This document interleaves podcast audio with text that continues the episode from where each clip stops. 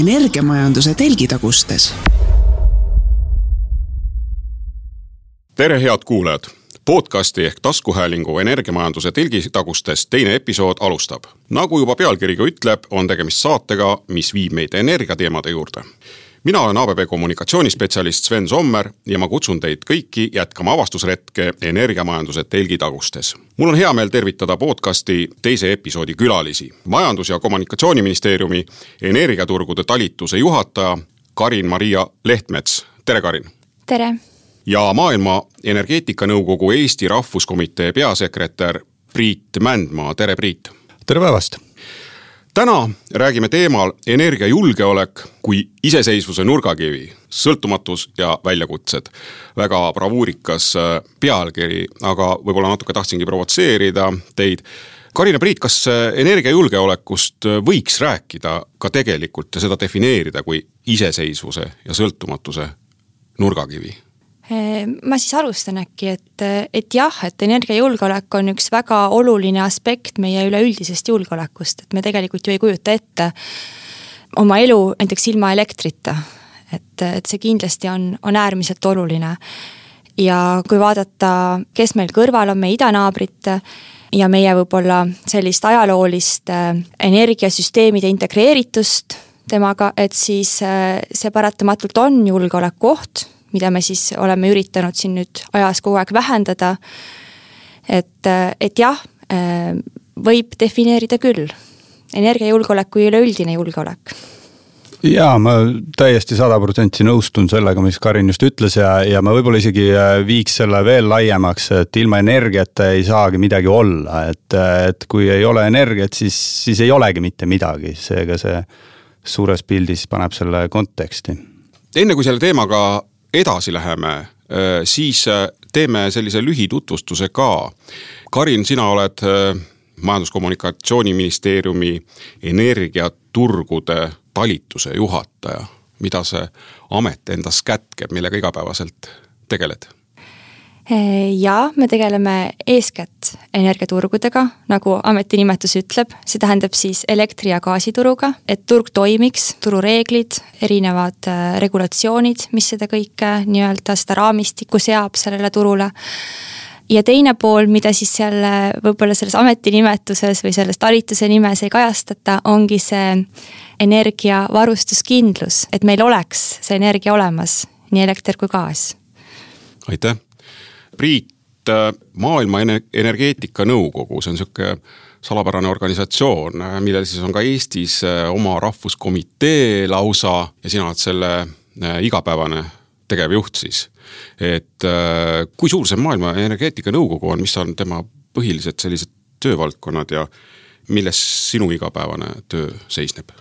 Jaa, Maailma Energeetikanõukogu ehk siis World Energy Council tähistab sellel aastal sajandat sünnipäeva, nii et tegemist on päris äh, vana asutusega. Eesti liitus WEC-iga ehk siis World Energy Council'iga juba kolmekümne seitsmendal aastal. Siis vahepeal oli nõukogude periood, mille jooksul siis meie liikmelisus oli peatatud. Ja taastati siis üheksakümne kaheksandal aastal. ja nüüd äh, alates sellest ajast on siis Eestis oma liikmeskomitee olnud. VEC-il globaalselt on, äh, on äh, üle üheksakümne liikmeskomitee ja, ja erinevus siis pal-, näiteks rahvusvahelise energiaagentuuriga seisneb selles, et kui IEA on valitsuste mm, niisugune liikmeskond, kogukond, siis VEC liidab ka Eh, eraettevõtjaid, eh, mõnes riigis ka, ka eksperte eraisikutena. et see, see kogukond on selles suhtes eh, laiem. Ja millega me siis tegeleme? Eesti poolelt ennekõike on teadlikkuse tõstmine, faktipõhisele informatsioonile toetumine ja väga tugevalt ka parimate praktikate jagamine, et meie missiooniks ongi siis luua teadmistepõhine rahvusvaheline keskkond jätkusuutliku energeetika kujundamiseks ja, ja, ja selles, selles vaates me ka näeme, et energeetikakeskkond on selline, mis peab, hea energeetikakeskkond on selline, mis vastab siis kolmele kriteeriumile, mille vahel valitseb tasakaal, milleks on siis varustuskindlus, mis meil on täna teemaks, lisaks siis ka keskkonnasäästlikkus ja taskukohasus. aga ma usun, et me jõuan, jõuame veel sel teemal siin tänase arutelu käigus mm, rääkida. ja kindlasti on paljud teid, teist ka kuulnud äh, selle kolme, kolme teguri ühist äh, nimetajat äh, igalt poolt meediast ja mujalt, et see ongi siis see kuulus energeetika trilemma. täpselt nii. kui palju teie oma igapäevases töös puutute otseselt või kaudselt kokku äh, mõistega energiajulgeolek? Väga tihedalt ma ütleks, et, et me vaatamegi energiajulgeolekut noh, eeskätt siis nagu ütleme seda varustuskindlust. et, et meil ja varustuskindlust mõjutavad siis erinevad aspektid, mida me vaatame. ühelt poolt süsteemi piisavus, et meil oleks piisavalt tootmist süsteemis, mis tarbimise ära kataks ja see tootmine ei pea nüüd olema konkreetselt Eesti piir, Eestist, ta võib tulla, eks ole, ka impordina. ühesõnaga, siia alla läheb ka siis piisavalt äh, välisühendusi meie äh, süsteemi vajaduste katmiseks ja siis me jõuamegi siin äh, võrkude juurde, mis on siis see teine aspekt, et oleks võrguvõimekus piisav, et, et võrk suudaks siis selle energia viia lõpptarbijani lisaks siis äh, ka elektrisüsteemi äh, ja noh, ka gaasisüsteemi vastupanuvõime erinevatele võimalikele rünnakutele, et ka see on aspekt, mida me vaatame. et siin on siis nii hübriidrünnakud kui näiteks mingid küberrünnakud, erinevad sellised aspektid. ja tegelikult osa energiajulgeolekust on loomulikult ka see, et meil see hind oleks selline mõistlik, ütleme, meie majanduskeskkonna jaoks ja siin me vaatame siis seda eeskätt äh, läbi turu toimimise, et me tagame piisava konkurentsi ja selle turu äh, toimimise jätkusuutlikkuse. et sellisel juhul äh, siis turg peaks suutma ka selle hinna hoida sellisel aktsepteeritaval tasemel. et need on võib-olla sellised põhilised aspektid, aga lisaks on seal võib-olla veel mingeid nüansse ja mis ma omalt poolt lisaks, on see, et et kui me räägime energiajulgeolekust, siis me peame hästi ähm, nii-öelda hoolikalt mõtlema, et kas me peame silmas nüüd energiajulgeolekut või me peame silmas varustuskindlust, et kui, äh, kui energiajulgeoleku kontekstis me ikkagi see on nüüd arusaadavalt defineerimise koht, eks ju, et kuidas me defineerime seda, aga tihti defineeritakse energiajulgeolekut kui, kui seda siis äh, võimekust ka siis kriisiolukordades toime tulla. varustuskindlus on jällegisse sellistes normaaltingimustes opereerimine. et, et, et seal on nüüd oluline, oluline kindlasti eristada seda, et, et lihtsalt ei läheks, läheks need asjad, asjad segamini siis ja nüüd äh, igapäevase töö kontekstis, et palju mina igapäevaselt siis nüüd kas energiajulgeoleku, varustuskindlusega kokku puutun. siis no nagu ma juba korra nimetasin, siis, äh, siis sellesama selle energiatrilemma kontekstis me, me ikkagist äh, hoiame ka sellel poolel silma peal ja jälgime, mis nendes diskussioonides toimub ja. ja millised need muutused maailma areenil on, millised on muutused teistes, teistes riikides, mida võiks siis kasulikuna ka esile tuua ja, ja, ja kohalike partnerite ja kaasvõitlejatega jagada. See on väga hea, et sa sisse tõid selle defineerimise küsimuse, sellepärast et, et just nimelt seda mõistet energiajulgeolek, mulle tundub, et on eriti viimastel aegadel pisut võib-olla üle ekspluateeritud ja nii mõnigi kord ka lihtsalt äh, tõepoolest natukene nagu valesti kasutatud, et, et äh, energiajulgeoleku all on silmas peetud just nimelt selle energiajulgeoleku mingisugust nagu komponenti. aga jah, äh, saime natukene selgemaks ja ka tänase vestluse kindlamatesse rööbastesse läbi selle defineerimise aga lähme siit edasi ja ikka, ikka kodukamaral ja jätkame energiajulgeoleku teemadel kuidas teie arvates äh, on täna tagatud Eesti energiajulgeolek? Ja küsimuse teine pool, et kuidas see on juhitud?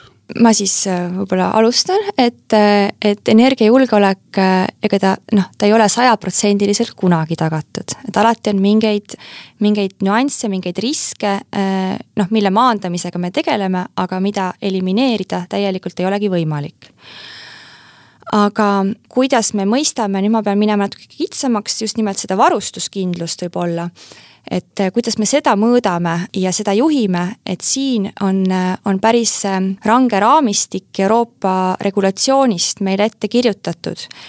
kuidas seda mõõta, kuidas analüüsida ja kui on mingeid probleeme, mida saab ette võtta et ähm, siinjuures on, on siis käsitletud eeskätt niimoodi, et süsteemihaldurid peavad iga aasta koostama kümneaastase süsteemi piisavuse ülevaate see on siis kogu Euroopa põhine ja sealt siis äh, peaks välja tulema, kui mingil riigil on nüüd äh, selline varustuskindluse probleem. ja seda varustuskindluse probleemi äh, tuleb hinnata varustuskindluse standardi raames, see on nüüd selline uus mõiste, ma arvan, paljudele. Ja ta tuli meie seadusandlusesse mõni aasta tagasi, kui siis kehtestati Eestile varustuskindluse standard see tähendab siis seda, et tuleb sotsiaalmajandusliku analüüsiga hinnata kui palju katkestustunde on aktsepteeritav ühiskonnale ja kui palju energia puudujääki on aktsepteeritav ühiskonnale.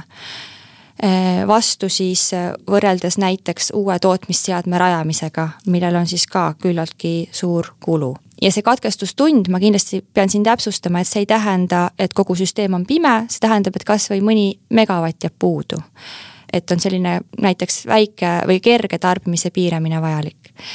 Ja Eestile loodud äh, standard, mis siis noh, analüüsi tulemusel on tulnud, on hetkel üheksa katkestustundi aastas ja neli koma viis gigavatt-tundi andmata jäänud energiat ja see ei tähenda, et see nüüd tingimata peab iga aasta juhtuma, aga selle vastu äh, siis äh, selles üle-euroopalises varustuskindluse analüüsis meie süsteemi analüüsitakse. ja kui tekib oht, et meil jääb energiat rohkem puudu, kui see standard lubab, sellisel juhul on meil varustuskindluse probleem.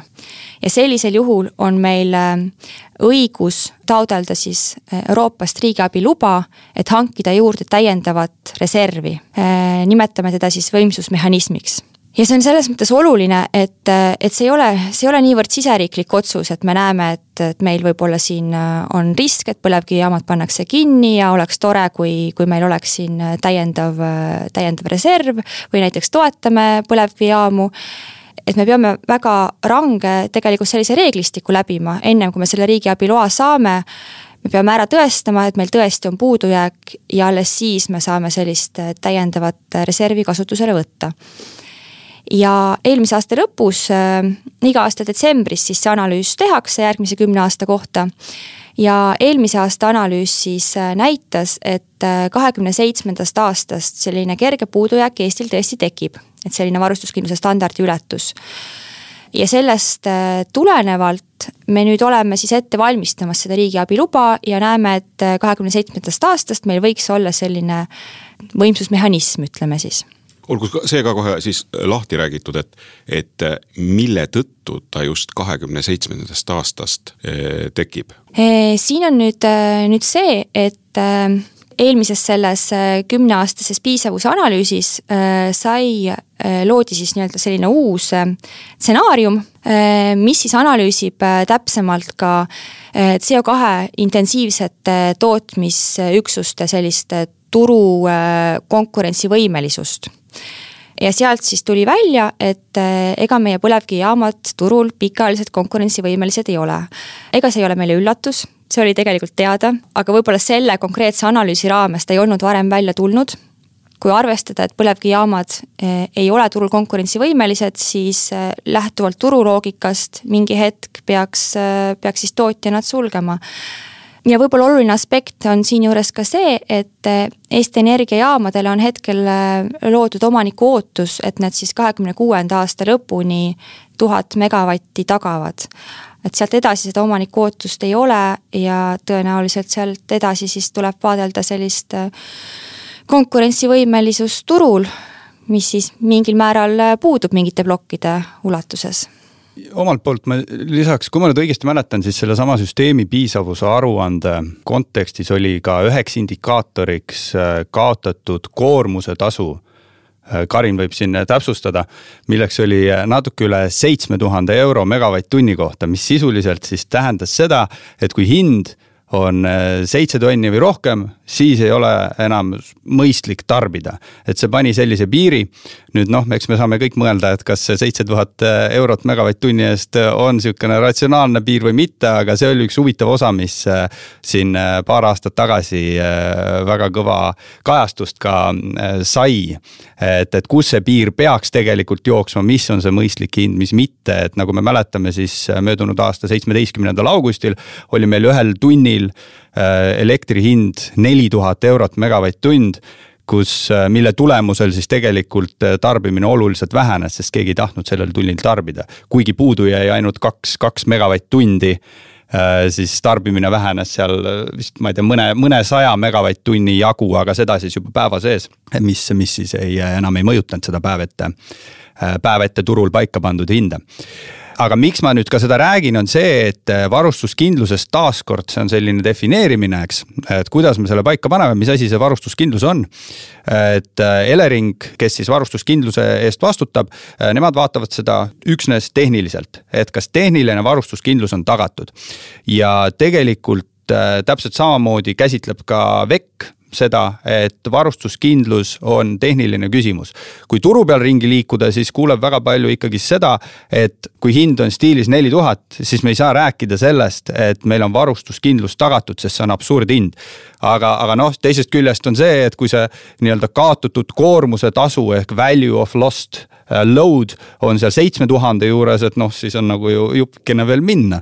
Äh, kus need piirid nüüd tõmmata, kus see mõistlikkus on, see on nüüd kõik äh, otsustamise koht ja kokkulepete koht, eks ju aga, aga suures pildis, kui rääkida Eesti varustuskindlusest, siis mul on hea meel öelda, et, et sellesama Trilemma mm, raporti kontekstis, mida nüüd VEC on viimased kolmteist aastat teinud on äh, Eesti, Eesti üldarvestuses kõrgel üheksandal kohal ja, ja esimene oli siis Rootsi ja kolmas oli Soome. aga nüüd varustuskindluse osas meie skoor oli kuuskümmend seitse koma üks punkti sajast. mis võib-olla esimese hooga ei tundugi nagu väga hea, aga tegelikult äh, maailma kontekstis on see siiski hinnatav hindega A kuivõrd kõige parem tulemus oli Kanadal ja kui ma nüüd õigesti mäletan, oli see seitsekümmend kuus punkti sajast. nii et äh, keegi ei ole saavutanud sadat punkti, nii et seitsekümmend kuus on parim ja, ja, ja selle kõige parema tulemuse järgi ka pannakse neid hindeid ja selle tulemusel on Eesti, Eesti varustuskindlust hinnatud hindega A, nii et ma usun, et, et me võime väga uhked selle üle olla, et me oleme väga palju, Eesti riigis on väga palju varust-, varustuskindluse tagamiseks ära tehtud ning, ning alates kahe tuhandendast aastast on see paranenud siis selles samas metoodilises kontekstis hinnates kolmandiku võrra, nii et jah suures pildis ma arvan, et me oleme tublid olnud, kuid on alati väga palju ära teha. Ja, ja nagu siin juba juttu oli, et, et äh, kas meid ähvardab siis ikkagi kahe tuhande kahekümne seitsmendast aastast äh, väike langemine selles varustuskindluse edetabelis? Seda on, äh, seda on raske öelda. Seda on raske, seda on raske öelda, ma arvan, et see on alati, see taandub metoodikale. Kuidas see metoodika on üles ehitatud, mida seal arvesse võetakse, mida seal arvesse ei võeta, mis juhtub, äh, mis juhtub nende tarnepartneritega, kellega koostööd tehakse. üldiselt me eeldame, et, et, et nii-öelda Euroopa Liidu siseselt on, on kõik partnerid usaldusväärsed, samuti ka, ka Ameerika ja, ja, ja need lääneriigid, kellega me jagame sarnaseid väärtuseid. et, et nad on meil kindlasti olemas samas ei saa kunagi välistada, et võib midagi muutuda, eks ju, et ega ju tegelikult ütleme kaks aastat tagasi ei osanud. okei okay,, eestlased tegelikult on alati mures venelaste pärast olnud, aga, aga oleks kolm aastat, kaks-kolm aastat tagasi Saksamaal ringi liikunud ja küsinud.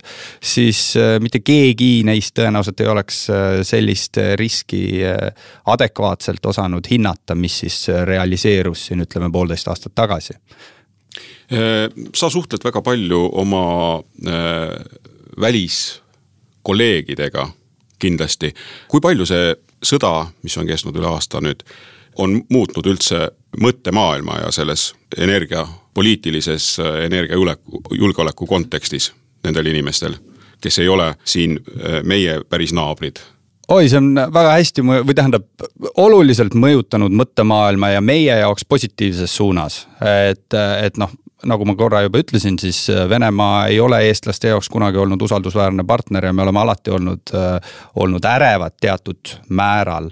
ja teinud samme, et, et seda ohtu nii-öelda vähendada ja riske maandada läbivalt on ka tegelikult väga paljud eestlased rääkinud sellest Euroopas ja, ja läänemaailmas, et see risk on olemas ja me peame ikkagi adek-, adekvaatselt seda hindama.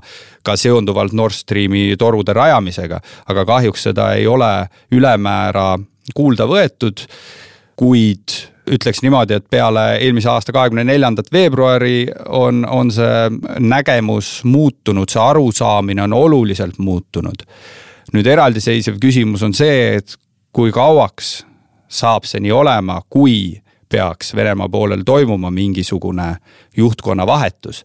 et, et, et kui nüüd näiteks tuleb Putin enam ei ole võimul, tuleb uus võim, kes väidab, et nad on lääneliku, lääneliku suhtumisega ja läänemaailmale avatud, et mis siis saab, kas see tähendab, et näiteks gaasikraanid keeratakse uuesti lahti ja Saksamaa näiteks eesotsas siis taastab ka gaasitarbimist või mitte, seda ei oska hinnata, aga selge on see, et LNG kontekstis äh, ja investeeringute kontekstis on see üks hirm, mida LNG importijad äh, tunnevad. Nad ei ole saanud pikaajalist kindlustunnet, et Venemaa gaasikraane ei avata järgneva viie aasta jooksul näiteks kuidas see konflikt edasi läheb, seda ei oska meist keegi ennustada, aga, aga hea meel on kuulda, et, et, et ollakse aru saadud sellest, et äh, sõltuvust ida poolt ja meiega samu äh, väärtusi mitte jagavatest maadest äh, tuleb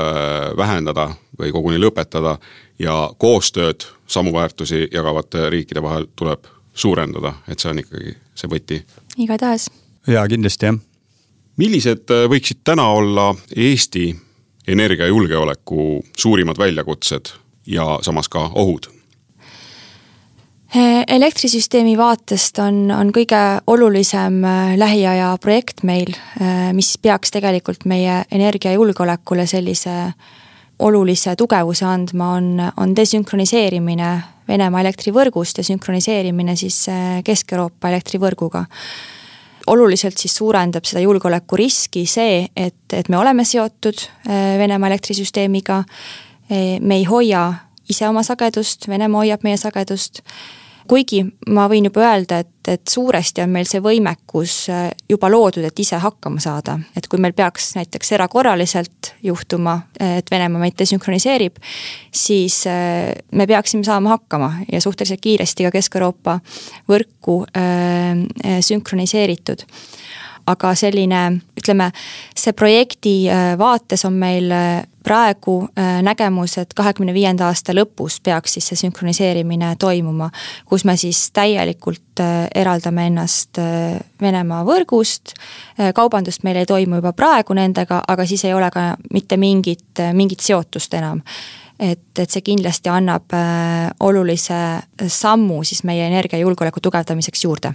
Karin, äh, ma küsin siia vahele on spekuleeritud ka selle üle, et, et võiks selle desünkroniseerimise juba varem ära teha milline su puhtisiklik arvamus selles osas on? jaa, selles mõttes, et eks me seda varasema desünkroniseerimise võimalust hetkel väga tugevalt analüüsitakse ja uuritakse kõigis kolmes Balti riigis. Äh, kui vähegi võimalik, me selle varem ära teeme, aga siinjuures on hästi oluline võtta arvesse kõikide riikide riske, et me ei eskal-, eskaleeriks seda riski enda jaoks. et, ähm, et me ei muudaks olukorda veel hullemaks, et me ei annaks äh, Venemaale sellist energiarelva kätte. et näiteks äh, me desünkroniseerime ennast olukorras, kus me oleme võib-olla liiga nõrga süsteemiga ja mingi hübriidründe korraldamisega on võimalik väga-väga palju kahju teha, et, et seda riski me ei taha suurendada. Priit ja selle varasema desünki kontekstis on praegust huvitav olukord, tegelikult leedukad on äh, öelnud, et nemad tahaks selle kohe ära teha. ja, ja sõna otseses mõttes ASAP, et, et millal me ootame. ja aga nüüd ongi, et küsimus, kuidas see siis lõpuks siis laheneb, et kas leitakse leitakse see ühine, ühine kokkulepe ka selles osas, ka peaministrid on sellest, Baltikumi peaministrid siis rääkinud, et kuhu see liigub, ma ei oska, ma ei oska öelda, äkki Karin oskab meid valgustada. No liiga palju rääkida ei saa sellest, aga, aga arutelu käib, uuringud käivad et eesmärk on loomulikult siin jõuda konsensusele ja võimalikult varase desünkroniseerimine teha võib-olla Leedu eralduskatset mainis, et, et jaa, mul on hea meel, et see läks neil väga hästi. aga siinjuures tuleb arvesse võtta, et nad tegid seda äh, kümme tundi äh, päeval, kui oli väga palju päikest. Äh, et nad ei teinud seda öösel nad ei teinud seda olukorras, kus nende pumphüdrojaam, mis siis saab kaksteist tundi järjest toota, ei olnud enam tootmisvõimeline, et sellised aspektid siin on, et, et kas nad oleksid hakkama saanud ka, kui see eralduskatse oleks toimunud pikemaajaliselt, ei tea. teine asi on see, et et võib-olla leedukate riskid varasemaks desünkroniseerimiseks on, on natukene teised kui meie riskid et kui me vaatame seda, kuidas me sünkroniseerime ennast Kesk-Euroopa võrguga, siis me teeme seda läbi Poola. mis tähendab, et Eesti jääb siis sinna kõige kaugemasse otsa, et see tähendab, et võib-olla meie riskid sageduse hoidmiseks ja, ja muudeks sellisteks süsteemi parameetrite hoidmiseks on natukene suuremad kui Leedul, kes siis otse ennast eh, Poolaga kohe vahetult saab ühendada et äh, siin tuleb vaadata uuringute tulemusi, mis peaksid nüüd kohe tegelikult siin juba nädala jooksul tulema äh, mis siis näitavad meile neid mõjusid varasema desünkroniseerimise osas. siin tuleb äh, arvestada kõikide riikide riskidega, sealjuures siis sellega, et, et need riskid on erinevad. et äh, küsimusi on, jah. kas sellega seoses toimub ka ametkondade vahel, ma mõtlen Eesti ja Venemaa Föderatsiooni ametkondade vahel mingisugust tehnilist sellist äh, jooksvat arutelu või, või nõupidamisi?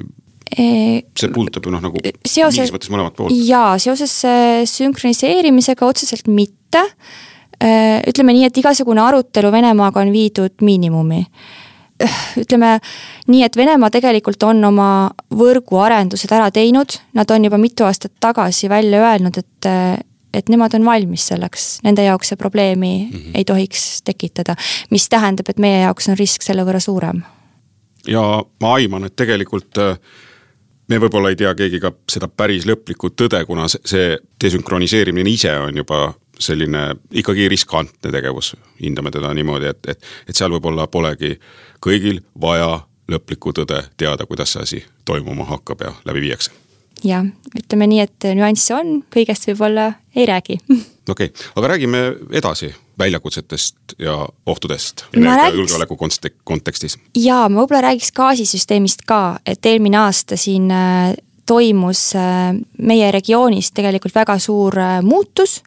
kui me varasemalt olime põhiliselt, siis see tarneallikas oli meil Vene torugaas, siis pärast Ukraina sõja algust kogu regioon läks üle LNG-le ja, ja siin me just peame vaatama sellist regiooni valmisolekut ja, ja, ja kogu regiooni nagu äh, ühiselt, regiooniks on siis äh, Baltikum ja Soome. et, et me ei pea vaatama siin Eestit üksikult, et meil on äh, gaasisüsteemi vaatest on, oleme väga tihedalt seotud. ja ütleme see, et Soome sai rajatud LNG terminal see on nüüd meie riske oluliselt maha võtnud. et regiooni vaatest on LNG tarneallikate olemasolu piisav kogu Baltikumi ja Soome äh, vajaduse katmiseks, sealhulgas Eesti vajaduse katmiseks.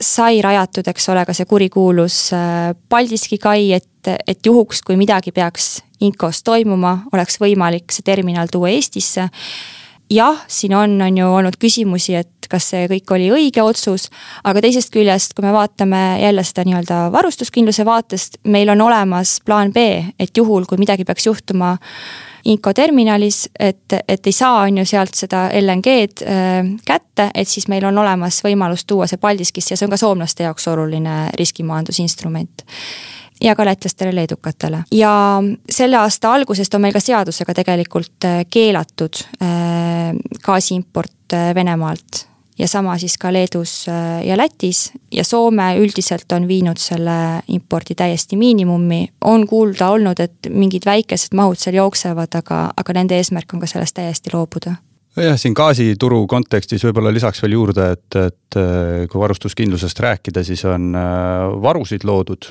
ühe teravatt-tunni jagu äh, varude keskuse poolt kokku soetatud siis ja, ja ütleme, varustuskindluse kontekstis alati, mida väiksem on tarbimine, seda lihtsam on seda tarbimist nii-öelda täita seda nõudlust, mida madalam on nõudlus, seda lihtsam on seda täita.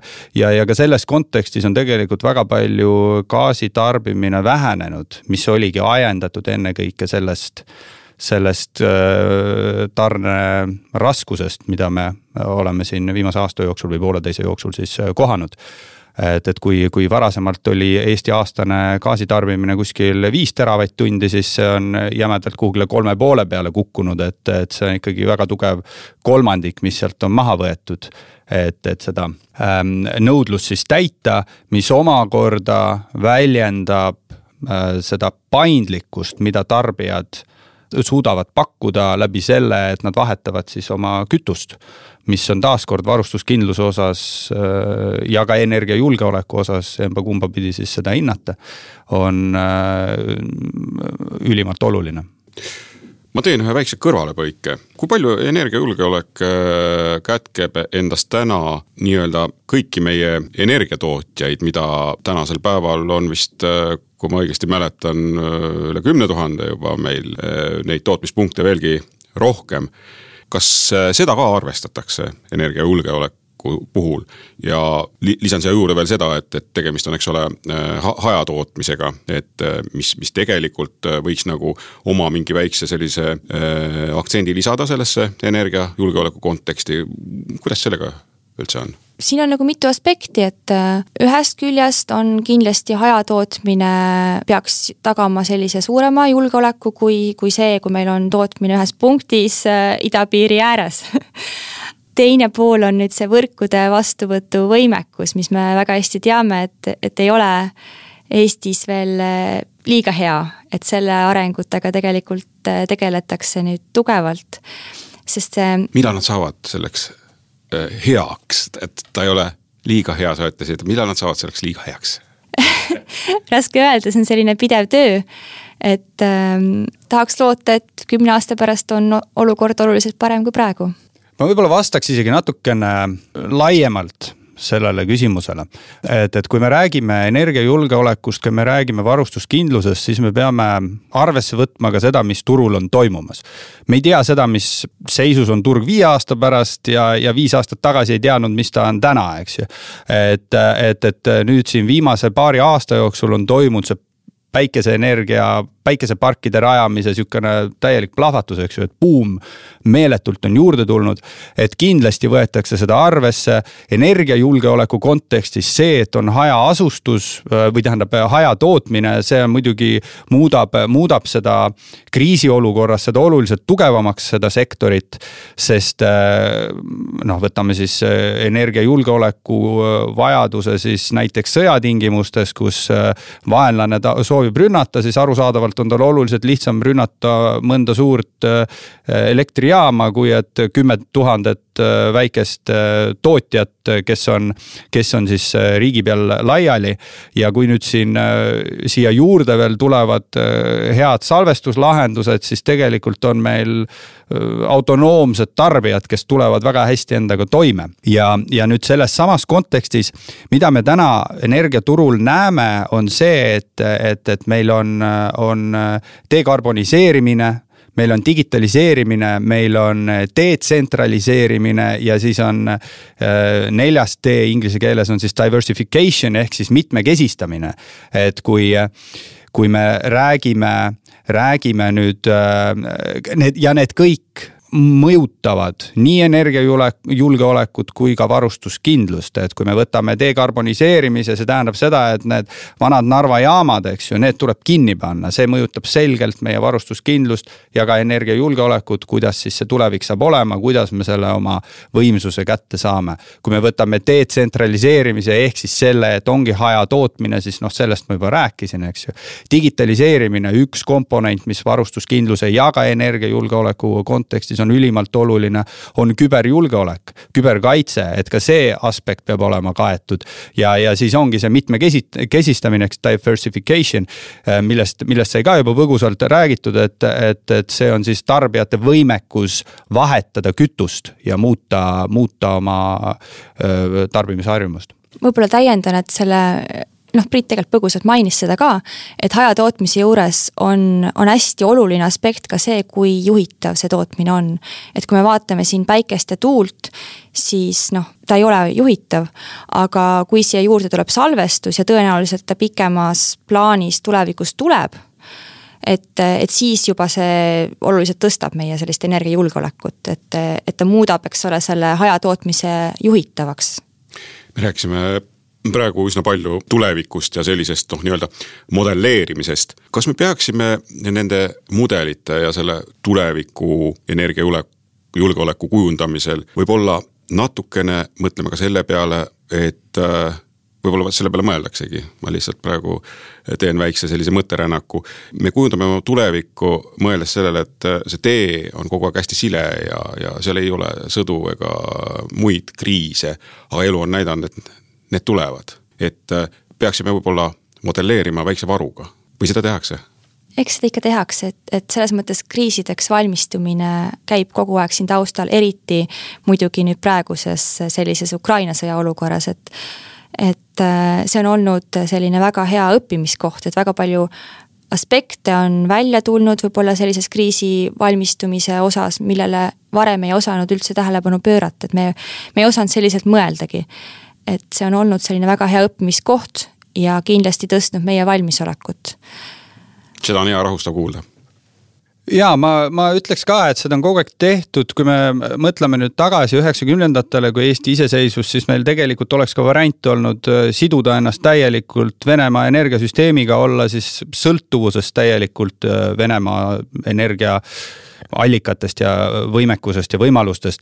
aga selle asemel me otsustasime siduda ennast lääne, läänemaailmaga meil on väga suured projektid tehtud ära, et Eesti elektrisüsteem oleks ühendatud lääne Äh, Euroopa äh, elektrivõrguga ja, ja sellesama desünkist me juba rääkisime, eks ju, samamoodi gaasiga on, äh, on, oleme me ühendanud üh, teiste riikidega ja, ja noh, tegelikult ma arvan, et seesama, see viimane ja ka endiselt käimasolev paljuski energiakriis on näidanud, et, et see tugevus seisnebki selles, et me oleme omavahel ühendatud, kui me oleks kõik eraldiseisvad olnud, siis meil oleks ikkagi oluliselt keerulisem olnud, eriti, eriti Saksamaal minu hinnangul teema, mida me oleme väga põgusalt täna puudutanud öö, otsapidi, on öö, kliimamuutused, mida me juba täna näeme ja tunneme omal nahal.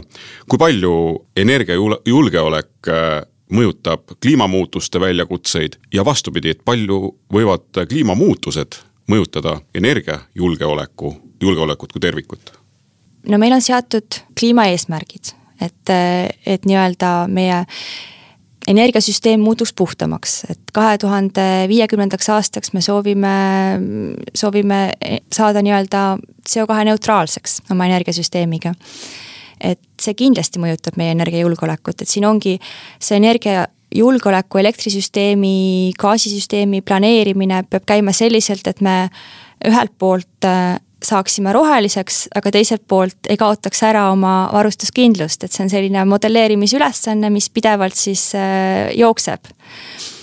et jah, et kuidas äh, ühelt poolt äh, me, me küll tahame saada palju tuult, palju päikest, aga seejuures tagada ka piisav juhitavate võimsuste osakaal elektrisüsteemis just äh,, täpselt, et, et noh, nagu ma korra ja, ja nagu siin on arutelust juba läbi käinud, eks ju, et ähm, varustus energiajulgeoleku kontekstis, kui on hajatootmine, siis ta justkui on, on äh, parem variant, et kõik on laiali, need tootjad varustuskindluse poole pealt hajatootmine on, on jällegist äh, läbi, tulenevalt sellest, et see on juhitamatu, on sihukene paras peavalu, et kuidas see kõigu süsteemi vaates toimima panna.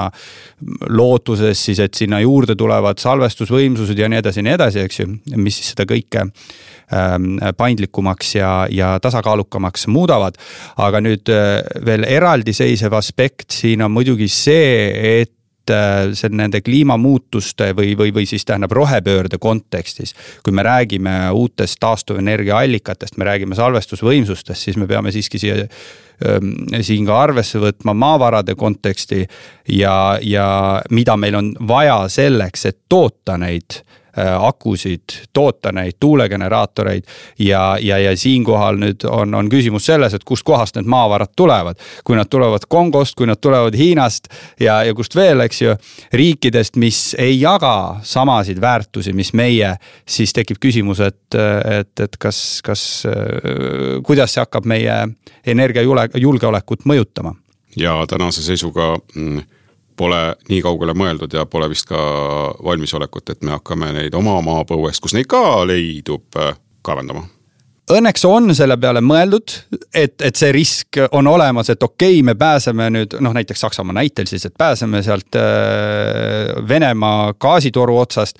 aga siis samaaegselt seome ennast läbi taastuvenergia arengu hoopis Hiina äh, nii-öelda maavarade valdusesse, et, et selle peale on mõeldud ja, ja sellega tegeletakse, aga, aga hetkel vist veel häid lahendusi ei ole välja, välja mõeldud kahjuks ma jätan äh, lõpetama selle meeldiva vestlusringi sellise küsimusega, mis vaatab ikka tulevikku ja ma usun, et optimistlikult. Äh, millisena teie näete Eesti energiajulgeolekut äh, kui meie iseseisvuse ja sõltumatuse üht väga olulist osa, energiajulgeolekut kümne aasta pärast ja veel kord lühidalt siis kokkuvõtlikult, millega see on tagatud eks me ikka näeme seda positiivses vaates, et, et ta on tõenäoliselt parem kui praegu. süsteemi vaates me oleme ühendunud Kesk-Euroopa elektrisüsteemiga. tootmise vaates meil on, meil on meretuult, meil on oluliselt rohkem maismaatuult, päikest, salvestust. võib-olla ka selline väike tuumareaktor, kes teab, ja piisavalt välisühendusi ja tänu sellele on turuhind parem võib-olla, kui ta on praegu jah, ma, ma võib-olla toetuks ikka sellele heale Veki trilemma uuringule, et kui täna on meie varustuskindluse skooriks hindeks A, siis ma loodan, et ka kümne-kahekümne aasta pärast on ta endiselt A. lihtsalt eh, ta ei ole mitte kuuskümmend seitse koma üks punkti sajast, vaid, vaid ta on siis kaheksakümmend viis punkti sajast või, või kuidas iganes ta saab olema, eks ju et, et aga tervikus, et ta on endiselt ja, ja maailma kontekstis, et ta on endiselt A. kindlasti täpselt nagu Karin ütles, on seal neid äh, erinevaid elemente selles võrgus oluliselt rohkem millega tuleb arvestada, aga, aga nagu ka juba räägitud, siis ühelt poolt energiajulgeoleku kontekstis, kriisi kontekstis võib see anda meile just seda vajalikku täiendavat äh, kindlustunnet. aitäh head saatekülalised selle vestluse eest. Aitäh, Majandus- ja Kommunikatsiooniministeeriumi energiaturgude talituse juhataja Karin-Maria Lehtmets. aitäh. ja Maailma Energeetikanõukogu Eesti Rahvuskomitee peasekretär Priit Mändmaa. aitäh aitäh ka kuulajatele, kohtumiseni järgmistes podcastides iga kuu viimasel neljapäeval. energiamajanduse telgitagustes